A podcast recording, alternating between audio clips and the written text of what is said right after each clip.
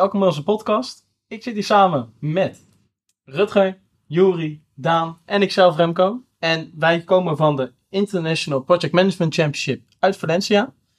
En wij zijn hier eigenlijk samengekomen met Ipman Jonkroe om het te hebben over verschillende projectmanagement trends die er zijn.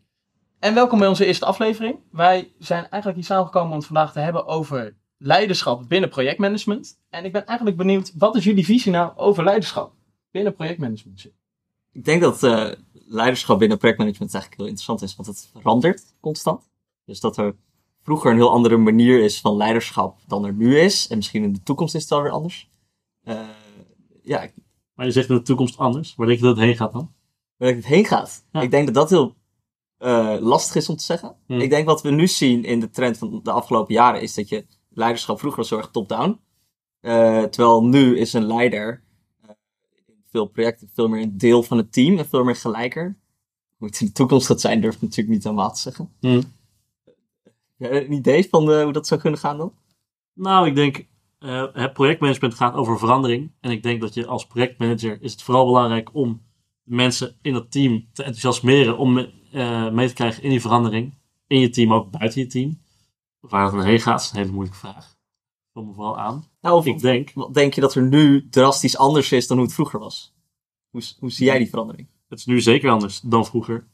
Maar wat je net op bedoelde, vroeger was het heel erg top-down. En nu zie je veel meer dat je baas ook een beetje je vriend moet worden. Wat vind je daarvan? Ik vind het wel goed. Ik vind het zelf wel fijn. Ik denk, ik denk niet dat ik zelf nog wil gaan werken bij een organisatie Waarbij je iemand hebt die jou helemaal gaat vertellen hoe het moet en jezelf geen tegenwoord mag geven. Hoe kijken jullie daarnaar? Ja, zoals je net ook gezegd, ik, over dat meer dat vriendschappelijke aspect dat belangrijker wordt. Dat denk ik ook wel dat een belangrijk onderdeel begint te worden, inderdaad. Daar sluit ik me echt bij aan. En de manier waarop dat gebeurt, ik denk dat dat vooral het belangrijke is met hoe dat vroeger ging en hoe dat nu gaat. Hoe zie je dat dan?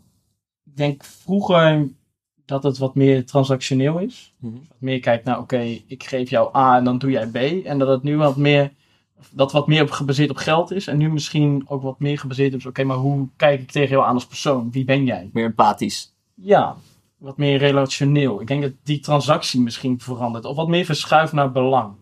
Dat, dat het belang van geld misschien wat dipt. En dat tegelijkertijd het belang van een goede werkplek, een fijne werksfeer, dat juist belangrijk is. Ja, ik denk ook wel dat we leiderschap, dat dat verandert omdat we steeds meer ons met projecten bezig gaan met complexere opgaves. Eh, denk aan eh, duurzaamheid, klimaatverandering, maar ook meer sociale aspecten zoals diversiteit en inclusie. Dan zullen we steeds breder uh, projecten omheen gaan bouwen en ook gaan nadenken over hoe kunnen we dan al die verschillende elementen uh, langs gaan. Dus duurzaamheid, maar ook Um, de sociale aspecten. En daardoor wordt het heel abstract, naar mijn idee, van mm. waar we mee bezig zijn. En daar, daar om dat abstracte en die, die onzekerheid bij zo'n, bij zo'n projectmedewerker weg te halen, heb je een, als projectmanager taak om leider te zijn en in die grote opgaves, om daarin duidelijk te zijn over waar gaan we heen en een soort van die abstractie van, van projecten afnemen. Zou je dan bijvoorbeeld kunnen zeggen dat je van manager naar leider moet veranderen tegenwoordig? Je bent geen projectmanager meer, maar meer een leider van een project? Nou, volgens mij is, is leider zijn gewoon onderdeel van, van projectmanagement. Als je projectmanager bent, ben je... Ik denk niet, ik denk niet dat dat... Uh, als we daarover, ik denk niet dat dat de juiste richting helemaal is. Want ik denk niet dat je de leider bent van het team. Want uh, je vertelt alleen maar een soort van... Je weet overkoepelend wat meer. Dus je hebt wat meer contact met het bedrijf. Uh, mm. Met de opdrachtgever bijvoorbeeld. Stakeholders. En je doet wat minder op de vloer. Uh, dus je leidt niet per se het team of, de, uh, of het, je leidt ook niet zozeer het project. Je doet gewoon iets anders binnen datzelfde project. Maar dat betekent niet per se dat je boven diegene hoeft te staan. Nee, oké. Dus ik zou zelf leider ook niet als boven iemand willen zeggen. Ik, in ieder geval mijn connotatie met manager is wat meer dat je erboven staat, als een, echt net zoals in managementlagen. Okay. En als leider ben je misschien wat meer onderdeel van de groep. Dus als je hem zo zou zien, die verandering tussen die twee rollen, van je staat inderdaad boven van of ik ben onderdeel van. Ja, ik zie het denk ik meer als dat je als projectmanager, of projectleider, zoals jij het zou benoemen, uh, dat je meer een soort van facilitator bent, zodat je je, je, je team, het team, het projectteam, hun werk goed kan doen. Ja. Hm? Dat jij gewoon een andere rol hebt. Ja. Hoe hopen jullie dat dan ook terug te laten zien op de werkvloer? Moeten jullie nog aangesproken worden met baas of meneer of u? Nou, maar graag, graag met baas. Nee, volgens mij eh, gebruiken, we, gebruiken mensen de, de term baas alleen nog maar als ze het hebben over de eigenaar van, de, van het bedrijf of van, eh, Van de Hmm. hond. van de organisatie. Van de hond. Ja, voor een hond. Ehm, maar je hebt denk ik binnen elke organisatie wel een leider nodig. En een projectmanager zou per definitie, wat mij betreft, een leider moeten zijn. Een projectmanager die zijn eigen team niet meekrijgt of niet kan motiveren, Ja. is geen, kan geen projectmanager. Ja, nee, precies. Ik ben het volledig met je eens. Ja, Dus eigenlijk, als we zo kijken naar waar we het nu over hebben gehad, zeggen we er eigenlijk. Er is een verschil en een verandering aan het komen van de afgelopen tijd van wat meer misschien de oudere garde, zoals we het maar even misschien kunnen noemen. Ja. eh, naar wat misschien de jongere professionals. Eigenlijk langzaam toe naar wat meer, kun je het benoemen? Een wat plattere organisatie, denk ik. Ja, inderdaad ja. En dat je daardoor, doordat het een plattere organisatie is, dat het ook wat meer gelijk is. En wat meer zo relationeel. gelijk voelt. Dan zou je dus ook kunnen zeggen dat er misschien, in plaats van dat je echt formele machtsmiddelen inzet, zoals gezag en eh, het uit kunnen delen van straffen en beloningen, dat het wat meer op de informele machtsmiddelen begint te komen. Dus dat je wat meer kijkt naar, eh, wat vind ik van die persoon, dus de wisseling van formeel naar informele machtsmiddelen. Wat, wat bedoel je met informele machtsmiddelen? Dat is van, de, van wie is die theorie? Nou, de theorie over dus drie verschillende bronnen van macht en een van die is de informele bron van macht.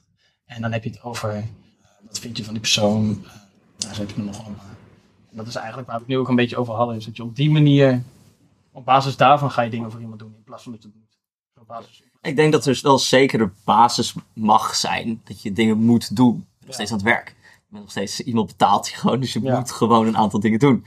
Toch? Eh, ja maar denk mens- ik. mensen zullen meer dingen gaan doen vanuit een, betere dingen gaan doen vanuit een intrinsieke motivatie. Dus als je Ja. als projectleider die intrinsieke motivatie van die medewerker weet te, te activeren, Ja. Dat die persoon zich daadwerkelijk zelf betrokken voelt, Hmm. ja, eh, dat is wat mij betreft wel de, de motivatie waar een projectmanager Ja. macht op heeft. En Ja. een projectmanager heeft niet per se macht op wat de projectmedewerker betaald krijgt. Hè? Dat is niet iets. Dat is niet wat het is. Dat is, eh, hij is geen perso- personeelsverantwoordelijke.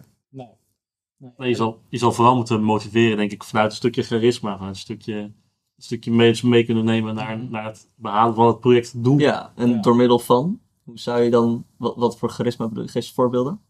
Een voorbeeld van een charis- charismatische leider bedoel je? Ja, nou bedoel je dan bijvoorbeeld, eh, iemand moet barbecues organiseren voor zijn team? Of iemand moet een, een, een vrijdagmiddagborrel organiseren? Zijn dat dan voorbeelden? Nee, ik denk dat een voorbeeld van een charismatische leider is echt als je eh, een, een stel je werkt met een project aan een, aan een energiecentrale. Dat je iedereen meekrijgt met het idee van wij werken eh, hier aan om samen Nederland te helpen aan die Ja. Nederlandse energietransitie. Ja. Dat is mooi, denk ik. Dat ga je niet met een barbecue bereiken. Als we dan kijken Ja. naar leiderschap, denken we dat we nog een onderdeel hier hebben gemist. Denken we dat we nu wel een beetje een goed beeld hebben van wat zien wij als leiderschap. Ik denk dat we lang niet alles gecoverd hebben, maar ja. Ik denk dat we nu al ik denk dat we voor nu Ja. Je baas, we hebben bazen. Zoals we het dan net hebben besproken, inderdaad, zie je toch echt wel een, een verschil en een overgang naar wat meer een transactioneel, wat meer extrinsiek, naar wat meer intrinsiek en relationele leider. Dat dat toch wel belangrijker is, van in ieder geval vanuit ons als jong perspectief. En dat is ook waar ik graag de aflevering zou willen eindigen. Hopelijk zien we jullie bij de volgende terug.